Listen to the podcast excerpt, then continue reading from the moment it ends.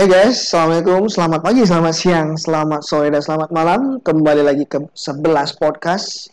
Yes, untuk series yang kali ini kita kembali lagi dengan orang yang sama, muka yang sama, suara yang sama juga ya Hai Faiz, apa kabar? Hai, kabar baik. Hai semua. Wih, semenjak semalam kita cakap pasal benda yang serius sikit, kita cakap benda-benda yang relax sikit boleh tak Faiz? Boleh, tak ada masalah. Mungkin ada yang boleh di-share ke untuk bangsa-bangsa yang muda-muda belaka ni kan? boleh, boleh. Saya pun dah tua, 21 tahun. Oh, 21? Ingat selama. Okey, so ni tengah puasa eh? Uh, Alhamdulillah masih puasa. Alhamdulillah masih ya. Hmm. Kejap lagi nak puasa lah. Nah, ini nak tanya pasal pendapat lah. Sebab biasanya banyak orang-orang muda ni Faiz kan. Dia bila muda terlalu banyak spend sampai tak ada duit, tak boleh bekerja mengikuti demanding apa yang social media ada. So sebab sekarang ni orang selalu follow apa yang update di social media tau. Macam dia kebanyakan uh, mengikuti apa yang trend sekarang walaupun kemampuan atau financial dia berkurang. Apakah kau pernah mengalami benda tu tak sebenarnya Faiz? Okey, uh, maksudnya trending kan? Ah, trending. Sebenarnya trending tu ada banyak. Contohnya macam kasut, baju uh, dan macam gadget lah. Ah, okey. Okey, tapi kita kena bersyukur yang kat Malaysia ni hanya ada satu musim iaitu panas dan hujan. Okey. Tapi kat luar negara ada empat musim. Jadi empat musim, setiap musim tu ada banyak fashion. So, Betul. kita nak terkejar semua memang tak terkejar lah kan. Ah, betul. Okey, tapi kalau bagi saya, saya punya uh, tu more tu macam uh, jam lah, jam ataupun phone, gadget-gadget ni. Gadget lah. Kalau Ah. lebih kejam dengan phone lah. Ah, ya, Selain betul. daripada tu tak ada. Setakat ni tak ada lagi lah. Atau standard je. Saya yang lain tu saya rasa sebenarnya ada tu pun cukup dah. Tapi kan bos sebenarnya ada tak kau perasan macam sebab biasa kita kita beli barang, kita mengubah gaya kita kalau pendapat aku lah, Hmm. lingkungan kita yang membuat kita macam tu. Kalau menurut aku lah, kalau aku lepak dengan kau, mungkin aku akan suka juga cakap pasal jam, borak pasal jam. Betul tak? Hmm. Kalau aku lepak dengan orang yang pakai kereta mewah, mungkin aku akan influence juga pakai kereta mewah. Macam mana nak kontrol benda tu kalau sebab kau akan dulu kau dah sekolah. Oh, kau baru du- du- 21 eh. ah, nak nak start uni nanti macam mana? Kau membatasi benda tu.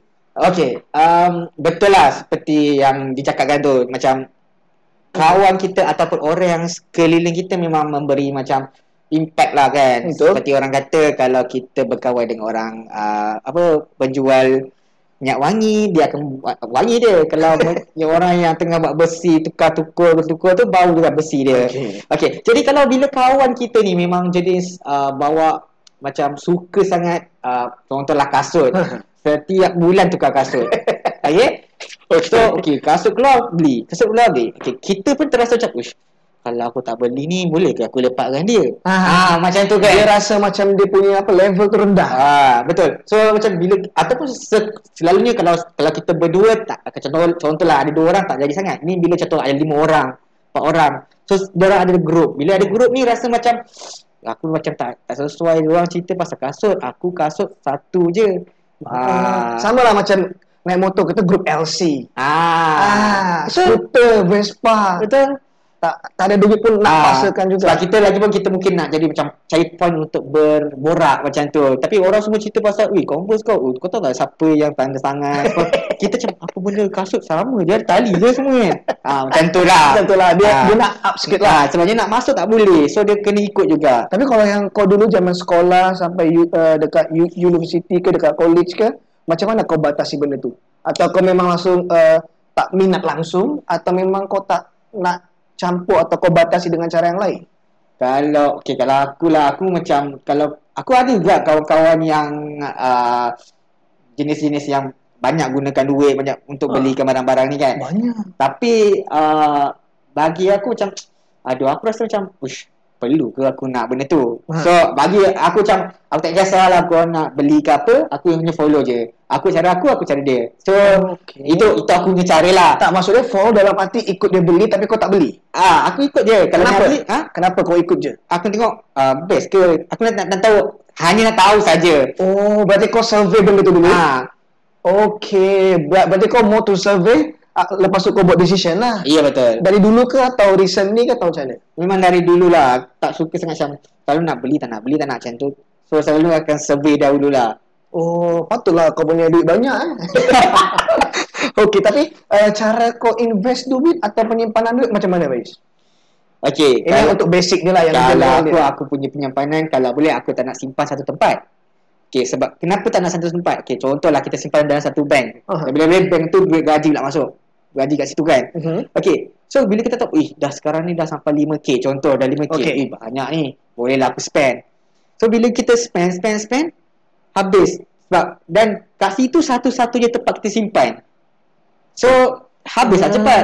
Jadi apa aku buat, aku akan, okay, aku sekarang ada 3 account. Okey. Sat- Gaji aku simpan, tempat gaji tu mungkin cukup-cukup untuk aku nak belanja. Mhm. Lepas tu yang setengah tu aku bagi sama banyak. Simpan-simpan. Oh. So, yang simpan tu hanya guna bila betul-betul emergency je. So maksudnya tap gaji masuk. Hmm. Gaji masuk lepas tu pecahkan ke simpanan-simpanan lah. Ya, So betul. dia akan nampak bahawa dekat ATM tu bawa duit dengan segitu je. Ya betul. Kalau tak biasa manusia, Ah. nafsu pasti ada. betul. Tapi kita itu part, part sekarang. Hmm. Kalau part time sekolah dulu orang tua bagi duit macam mana kau simpan? Okay, kalau untuk time sekolah, okay terus terang lah cakap. saya, dia punya dugaan tinggi. Dugaan tinggi. Ha, saya macam, tahu tak cerita kat masa kecil-kecil tu macam crash gear. Oh. Ha, tu, aduh saya lemah betul benda tu. Lemah eh. Tablet, yo-yo. Ha, saya beli. Banyak lah, banyak spend lah benda tu. Ah banyak spend kat situ. Tapi bila saya besar tu sikit, wish, bukan senang nak cari duit ni. Okey, tapi bila kau kata macam kawan nak uh, kawan nak beli barang kau follow, Hmm. pernah tak ada kawan macam Alah Faiz, kasut baju desain-desain ni je boring lah kau. Sebab kalau aku, aku pernah merasa benda tu tau Hmm. dulu. Time dekat sekolah for, uh, form 1, form 2, alah cuk, bag kau ini je, kasut ba- basketball ini je. Kau pernah merasakan tak benda tu? Oh, setakat ni Hmm. uh, tak pernah lagi orang cakap uh, asyik pakai benda yang sama lah. Aha. Ke tak, pasti dah sama ada dia cakap aku, aku tak Dia kalau donor ke Benda yang ya. sama ke atau ti- bila dia lepak dengan kau, tiba-tiba dia tengok style kau macam tu dia menjauh. Dan kau merasakan benda tu, ada tak? Oh, yang tu adalah mungkin aku punya gaya. Sebab aku cuba nak cuba nak cuba gaya macam-macam. Eh, kau ni Gaya macam, eh? Weh, kau ni gaya macam Bangla kata. oh, tak macam terasa. Oh, ya ke Bangla? Tak apalah kalau tengok memang betul tengok semen Bangla, ubahlah. So gaya yang paling teruk lah Sebab kita kan macam aku dulu aku try buat punk Hmm. Aku buat punk main skate Budak apa? My Chemical Romance aku pakai hitam merah Okey. Okay sekarang tak adalah Aku pakai yang semi-semi casual je lah Hmm. Kalau kau ada tak yang macam Time-time tu yang kau try Yang paling teruk lah yang kau rasa Aku tak pernah cuba apa-apa pun. Tak pernah eh Aku tak ya, aku cakap, aduh macam tu nak keluarkan duit lagi benda tu. Aku buat apa? Betul-betul Dia buang duit sebenarnya Betul duit So uh, hal yang paling Kau rasa menyenangkan Apabila uh, kau dah simpan duit Hmm. Mungkin Mestilah awal-awal dia sakit kan Awal-awal sangat sakit Hmm. Sebab gaji atau pendapatan kita langsung di split dibagikan ke beberapa tempat. Betul. So apa challenges dia Faiz? Pada kau lah. Okay. Challenges ni bila ada satu benda ni diciptakan. Nama dia Shopee. Wish, itu eh? Shopee tu dugaan sebab apa tau? Okay, bila kita tengok Shopee, kita tak perlu pergi kedai tu. So, kita boleh hanya tekan, oh, Mhm. dia dah dapat kat rumah kita. Dan dia punya harga boleh tahan lah. Murah. Okay, tapi untuk okay, untuk harga murah ni, okay. Cubalah bayangkan. Okay, uh, sebelum tu nak tanya, tahu tak kedai RM2? Tahu tahu. Okay. Bila pernah pergi tak? Pernah beli tak? Sekali aku sama pergi dengan family dulu lah. Pernah sekali tak? Okay, beli satu satu barang tu dulu. Satu RM2 ke? Dalam uh, tiga ke lima barang. So total berapa? Dalam sepuluh je. Sepuluh okey, okey lah sepuluh lagi. Ada orang tu beli, okey dia nak beli satu benda je. Masuk kedai RM2, pop seratus. so masuk nak beli, okey memang murah. Bila murah tu macam, oh ini murah, murah, murah, murah, murah. Jadi kita beli benda yang tak macam tak patut kita beli Itulah lah. challenges dia. Ah, Sebab itu yang challenge. DIY ada. Betul, sekarang DIY DIY lagi. Shopee ada. Tapi selama ni Alhamdulillah uh, secara, dah bekerja berapa, berapa tahun Faiz? 2016 17, 18, 19 Berapa tahun ni? Ah, eh, ah yalah, dah ada dekat 5 tahun dah. 17, 18, 19, 20, 1 ha. Ah, dalam 5 tahun tu memang alhamdulillah dah ada banyaklah terkumpul dal- dalam ni eh. So pencapaian apa? Sebab aku pencapaian aku dalam 2 tahun aku dapat Vespa walaupun dia second dulu aku aku beli Vespa. Kalau kau pencapaian apa? Okey, uh, setakat ni aku masih lagi tak sampai lagi lah sebab aku mula-mula aku nak target Kau nak beli BM 3 series memang tak dapat bos. itu salah satu lah tapi itu yang biasanya mula-mula nak fikirkan nak dapatkan rumah ke ataupun kereta. Okey. Ta- ah, tapi bila fikir-fikir rumah tu Ha. ini ah, family yang kata kan. Okay, Ha. rumah tu apa kata tunggu dulu. Bila nak kahwin tu kita perlu kongsi dengan bakal. Bakal Ah, share lah, bayar share. sama-sama. Betul. Oh, berarti dah dah jauh pemikiran eh Ha. antara rumah kre- atau kereta eh. Betul. Okey, bagus juga ya kayak gitu ya. So memang sekarang ni uh, duit simpanlah, tak buat apa-apa dulu lah. Ah, buat sekarang ni ah, saya ada buat ni perkhidmatan loan lah loan. oh, loan termasuk saya.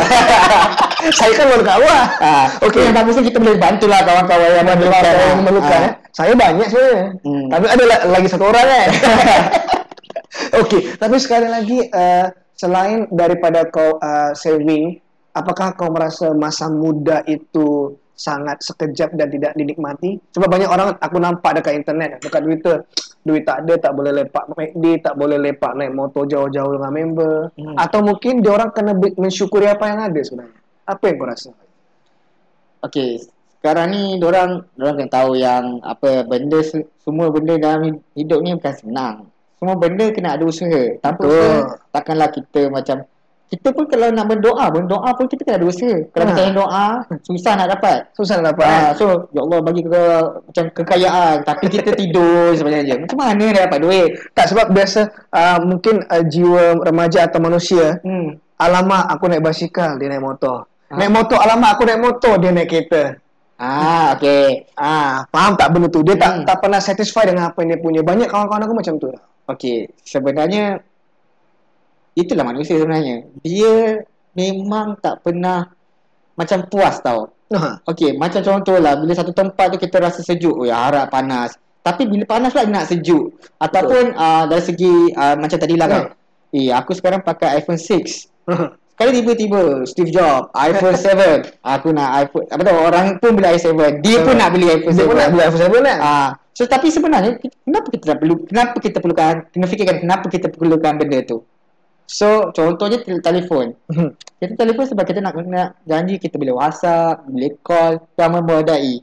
So tak perlulah kita nak mengejar trending ke ataupun mengejar benda baru tak perlulah. Okey. Dan ini uh, ah sambil kau cakap pasal apa Steve Jobs tadi. Hmm. Nah, aku aku dah baca hari tu ada artikel yang aku baca. Hmm. Dia mengatakan bahwa orang yang sukses atau orang yang berhasil dalam hidup dan karir dia adalah orang yang menginvest sesuatu yang betul-betul dia perlu dalam hidup dia, Hmm. bukan yang dia inginkan. Sebab anak dia pun dia tak bagi iPhone. Oh. Dia Serius kata, ah? ah, dia kata anak dia, dia, dia tak bagi iPad. Sebab belum cukup umur. Tapi Ah. sekarang banyak orang bila baby je pap lempar iPad. Tapi menurut aku uh, sebab aku dah belajar juga dulu foya-foya juga ah. Hmm. Tapi lama-lama aku berfikir macam kau nak follow kamera tak pernah habis. Ya. Cap tak pernah habis, jam tak pernah habis. So apa yang mampu beli je lah. So untuk uh, budak-budak remaja yang kat luar ni yang terlalu ikuti sebab trend banyak boh. K-pop ada, Britpop ada, Ada. US ada. Kau nak apa nak R&B ada dengan style-style dengan barang-barang yang mahal tau. Betul betul. So apa yang kau boleh suggest atau advice untuk orang-orang muda yang baru ni yang dengar ni? Okey, bagi orang yang luar di sana yang mendengar ni eh. Okey, sebenarnya kita kena fikirkan uh, kita ha- kita punya duit ni memang susah nak dapat. Dan kita kena fikir masa depan kita sebab kita tak tahu apa akan jadi. Mungkin kita akan jatuh, kita akan sakit. So kita kena bersedia. Jadi untuk yang trending tu, okay, kita cukuplah sekadar kita uh, guna apa beli apa yang kita perlukan sahaja seperti telefon. Dulu telefon tak di, memang tak diperlukan. Betul. Tapi sekarang ni diperlukan lebih-lebih internet macam tu. So itu satu satu perlu ada tapi tak perlulah update setiap hari ke setiap tahun ke tak perlu. Melainkan dah rosak lah memang baru boleh tukar. So menggunakan barang tersebut dengan uh, apa namanya waktu yang memang ditentukan lah. I, iya betul. Bila diperlukan. Bila diperlukan ya. Okey. So selain da, da, daripada tu apa lagi yang kau nak kasih masukan? Uh, untuk yang untuk investasi ke cara-cara tips-tips yang tadi kau nak sharekan? Okey, kalau boleh kan. Uh, okey. Untuk zaman-zaman sekarang ni kan. Okay, sekarang ada banyak uh, contohlah kita ada satu kerja khas itu memang kerja main kita. Jadi kalau boleh kita kalau contoh kita memang dia bukan macam kerja training lah dia macam kadang orang tu hobi orang tu Hobi. hobi so kalau memang nak kerja hobi uh, memang kita nak kerja hobi boleh tak ada masalah cuma kita kena fikir peluang kan kalau betul-betul nak kita carilah pendapatan yang kedua. Contohnya Grab ataupun Foodpanda. Foodpanda sekarang ni. Banyak. Ataupun kalau nak power sikit lah, up sikit lah kan. Ha. Uh, menabur ataupun jual macam Shopee. Uh, saya, saya ada kawan lah yang jual Shopee Oh, malam-malam. dia jual shopping malam-malam. eh? Ah, dia lawa dia cari dia waktu tapi boleh lah. Boleh tahan eh? Ah, boleh Berapa tahan. orang eh kawan tu? Ah, ada dua orang, ada seorang baru masuk. Baru masuk? Baru masuk. Jadi maksud dari kata-kata Faiz guys adalah cuba melabuk. Maksudnya jika korang minat dari muzik ke, dari podcast atau apapun, cari kerja sampingan. At least di masa muda jangan disia-siakan hanya untuk membuang duit korang yang kerja susah tu untuk ikuti trend. Trend tak akan pernah berhenti guys. Tapi korang punya financial akan boleh berhenti sebab dunia ber- berputar. Sekarang ni dah corona betul tak? Betul? Kita tak tahu tahun depan apa lagi. Hmm. Kalau korang tak saving, korang boleh terlantar. So apapun itu jaga diri baik-baik dan Faiz ter- terima kasih untuk kali kedua ni Faiz eh. Eh boleh Aku ada tak tahu nak bayar kau macam mana. Mahal ni kan. Ha, nak eh, bayar kau ni. Tak apalah dulu siapa nama ni Maju Muhyiddin ada panggil. Tapi demi kau aku join lah. Aku tak tahu nak bagi cek nak berapa kosong-kosong kat belakang. so terima kasih Faiz ya. Okay. Guys jangan lupa jaga diri, jaga kesihatan dan assalamualaikum. Selamat malam. Bye.